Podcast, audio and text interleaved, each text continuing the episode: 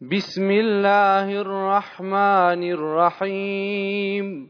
اللهم اهدني فيه لصالح الأعمال واقض لي فيه الحوائج والآمال.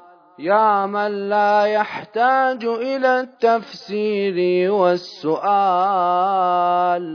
يا عالما بما في صدور العالمين.